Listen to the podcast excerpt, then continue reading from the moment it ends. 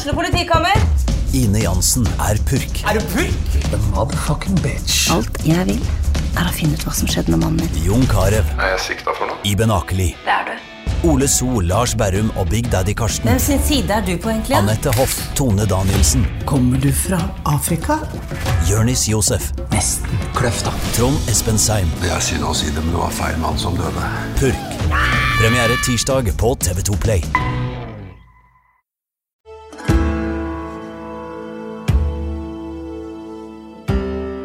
Ordfører. Her står jeg med saken om hus for ungdom på Revetal. En sak vi har jobba med lenge, og som presenterer oss for et fantastisk bygg til ungdom. Selv den sterkeste motstander må være enig i at dette er et praktbygg. Et signalbygg som skal få Revetal til å skinne. Et eventyrslott. Og for meg også et luftslott. Du hører på TV-podden med meg, Amalie Andersen. Og i dag skal vi dykke ned i saken om ungdomshuset på Revetal.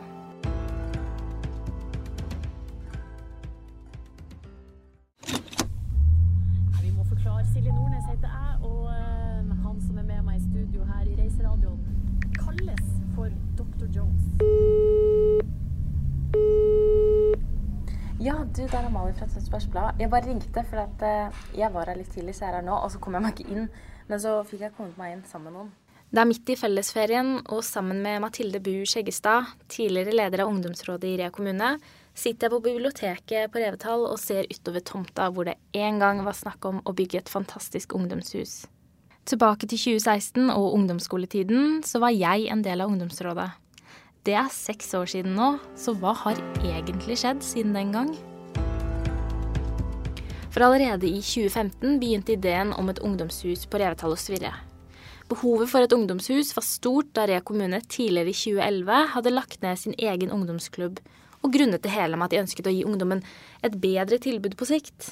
Siden den gang har private tilbud rundt omkring i kommunen dukket opp, men ikke et kommunalt ungdomshus. Hvis det var noe som var sikkert, så var det at ungdommen i Re de ønsket seg et sted å henge. Eh, Jeg tenkte at det var eh, en ekstremt viktig sak. Vi er tilbake på biblioteket sammen med Mathilde. Og det var noe jeg brant veldig veldig mye for, fordi ungdom i Re har liksom fra før jeg var ungdom, og nå fortsatt, et behov for liksom uformelle møteplasser, helst i sentrum av Re. Det er liksom når man ikke bor i en by, at det er mest organiserte fritidsaktiviteter som eksisterer, og det er da ungdomshus er ekstremt viktig, spesielt på mindre steder som Re, da. Og hva tenker du om at du nå på en måte er voksen, så du har ikke behov for det ungdomshuset lenger, og det er fortsatt ikke satt opp? Um, det er jo veldig kjipt, men jeg hadde vel et lite håp da jeg jobba, var eh, leder av ungdomsrådet, at jeg skulle liksom få vært ungdom i huset. Men det var jo liksom kamp som hadde starta lenge før jeg ble ungdom, så det var liksom eh, Det er jo fint at det i hvert fall er i prosessen av å bli til, da, for det er noe som trengs. Og det er jo kjipt at det har tatt såpass mye tid. For tilbake i 2015 dukker det opp et oppdrag notert til kulturavdelingen i Gamle Re kommune. Og dette oppdraget falt i hendene på kultursjef Ida Jorde. Fikk vi en bevilgning på 100 000 for å skape en møteplass for ungdom. Det var jo ikke mulig å lage et tilbud for 100 000 kroner som skulle være fast, liksom. Innendørs, når vi ikke hadde noe sted å ha det. Så vi tenkte at ja, vi har bra plass her, vi kan lage et spennende uteområde. Altså et uteområde for ungdom på tomta der Middelalderfestivalen er. Og der ønska altså kommunen at det skulle være f.eks. en grønnsakshage. Som kan funke nesten hele året. Så da lagde vi en prosjektbeskrivelse på det, og så foreslo vi at liksom, trinn to må være å se på noe innendørs, da. Skjedde det noe med den hagen? Ja, den ble nedstemt. Det blir ikke noe kommunal grønnsakshave for ungdommen på Re. Men kommunen bestemte seg for å opprette et ungdomsråd for å få innspill fra de det faktisk gjaldt. Noen vil ha et sted å mekke, andre vil ha et rom fylt med datamaskiner. Oi, hva med en kiosk, kanskje? Nei, noen sofaer. Hva med PlayStation, innebandy? Nei, og bordtennis. Hva ungdommen vil ha, er nok like forvirrende som det som skjer fra 2015 til i dag. At det skulle være så vanskelig å få til noe eh, for ungdom, var liksom helt uforståelig innimellom. Det sier Ida Jorde, tidligere kultursjef i Re kommune, nå kultursjef i Tønsberg. Vi møtes sommeren 2022. Nå er det syv år siden hun først fikk i oppdrag om å lage et opplegg for ungdom. Hun er nok den som har holdt på med dette prosjektet lengst, og som vet saken inn og ut. Du har jo jobba med dette veldig lenge. Ja. Ganske lenge. Hva, hva tenker du om alt? Jeg tenker at det har vært en veldig sånn annerledes prosess. Og vanligvis når man bestemmer seg for å sette i gang med noe, og vi får oppdrag, så pleier det å være en sånn naturlig progresjon i det. Men her har det vært veldig mange sånn stopp, et skritt tilbake, og så gå videre, og så et skritt tilbake. Så det, det har vært Og det har vært veldig mye debatt, altså politisk debatt, som jo er bra, tenker jeg. Men at et, egentlig et ganske lite prosjekt eh, sett i sammenheng med hva kommunen ellers bygger, da, har gitt så mye bølger i perioder, det syns jeg har vært Det er litt interessant. Eh, om det er fordi at det er til ungdom. Eh, det er i hvert fall interessant. Hvis det er derfor. Det veit jo ikke jeg. Men eh, det har vært en veldig Det har vært en eh, ganske mm, utfordrende prosess i perioder. Fordi at Jeg mener jo at det har vært et veldig behov for det. Og nå har på en måte en generasjon har blitt for store til å bruke det. Imens den prosessen her har gått. For hva er det egentlig som har tatt så lang tid? Svaret det er ganske enkelt penger. For midt oppe i ungdomshusdebatten har Re kommune brukt pengene på nytt helsehus og ny ungdomsskole med stor og fin idrettshall. Og da kommunen slo seg sammen med Tønsberg i 2020, da var ikke ungdomshuset høyest på prioriteringslista. Ja, for de som starta i ungdomsrådet, ja. sånn som meg ja. Vi er jo ikke ungdommer lenger. Nei. Føler du på en måte de har kjempa forgjeves når vi sitter her ja, veldig mange år senere? Nei, det tror jeg ikke. Fordi at uh, politikerne har, har hele tida uh, fått uh, ungdomsrådets meninger med seg. Og jeg tror at det har vært veldig viktig for at prosessen skulle gå videre og ikke stoppe opp. For det har den jo ikke gjort. Den har hatt en litt merkelig gang, men den har jo ikke stoppa opp. Så jeg tenker at, at det ungdommen har vært med og ment og sagt, har vært veldig viktig. Men jeg syns det er trist at de som var med og mente helt fra begynnelsen av, ikke har fått gleden av, av det og oppleve det ferdig. Um, men det er demokratiet, tenker jeg. Noen ganger så, så blir prosessene sånn. Det er uenigheter som, som tar lang tid å, å, bli enige om. Men eh, det har vært spesielt. Og det har ikke alltid vært morsomt. Det har det ikke. For la oss snakke litt om penger. Tilbake til 2017 dukker det plutselig opp en uventet gave. Som en takk for godt samarbeid i forbindelse med Langøya og NOAH gir Gjelsten, ja du hørte riktig, rikingen Bjørn Rune Gjelsten 7 millioner kroner til Re kommune for at de skal bygge et ungdomshus. Det er Snøhetta som skal bygge ungdomshuset, og de får et budsjett på 20 millioner.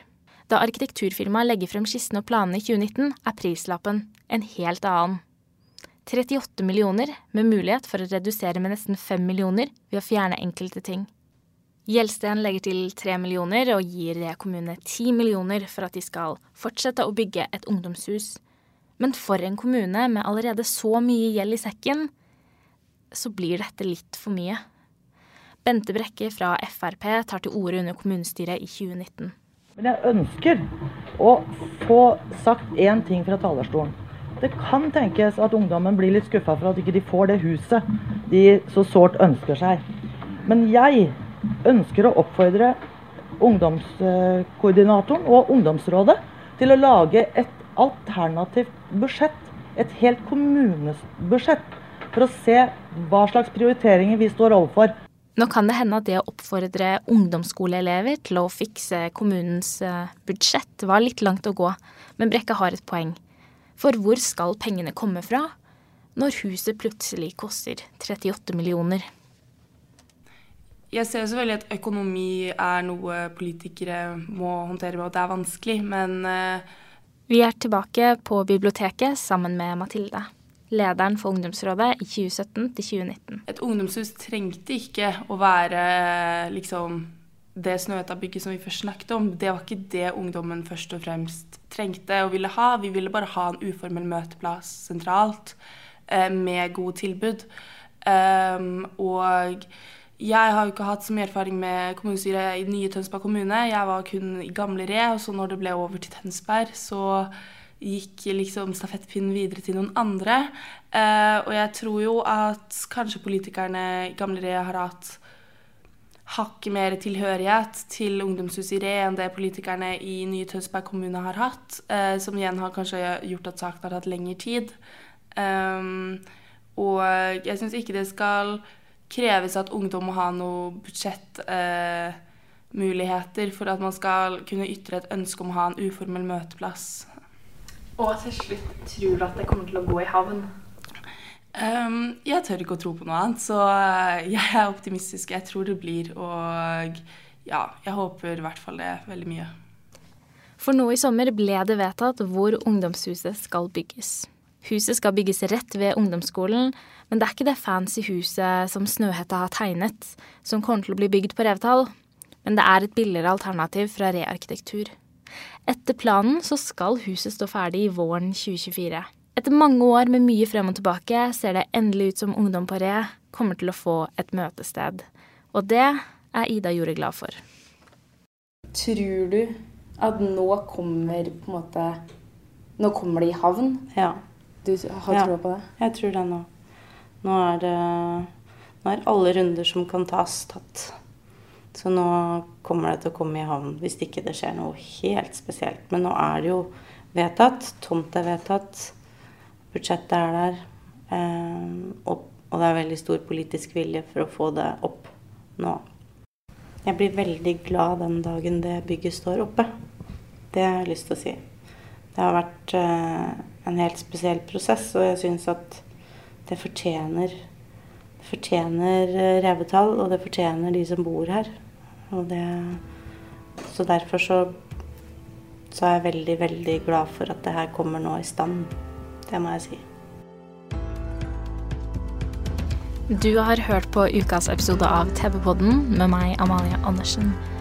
Musikken er av Swirling Ship og ansvarlig redaktør for podkasten og Tønsbergs Blad er Sigmund Kydland.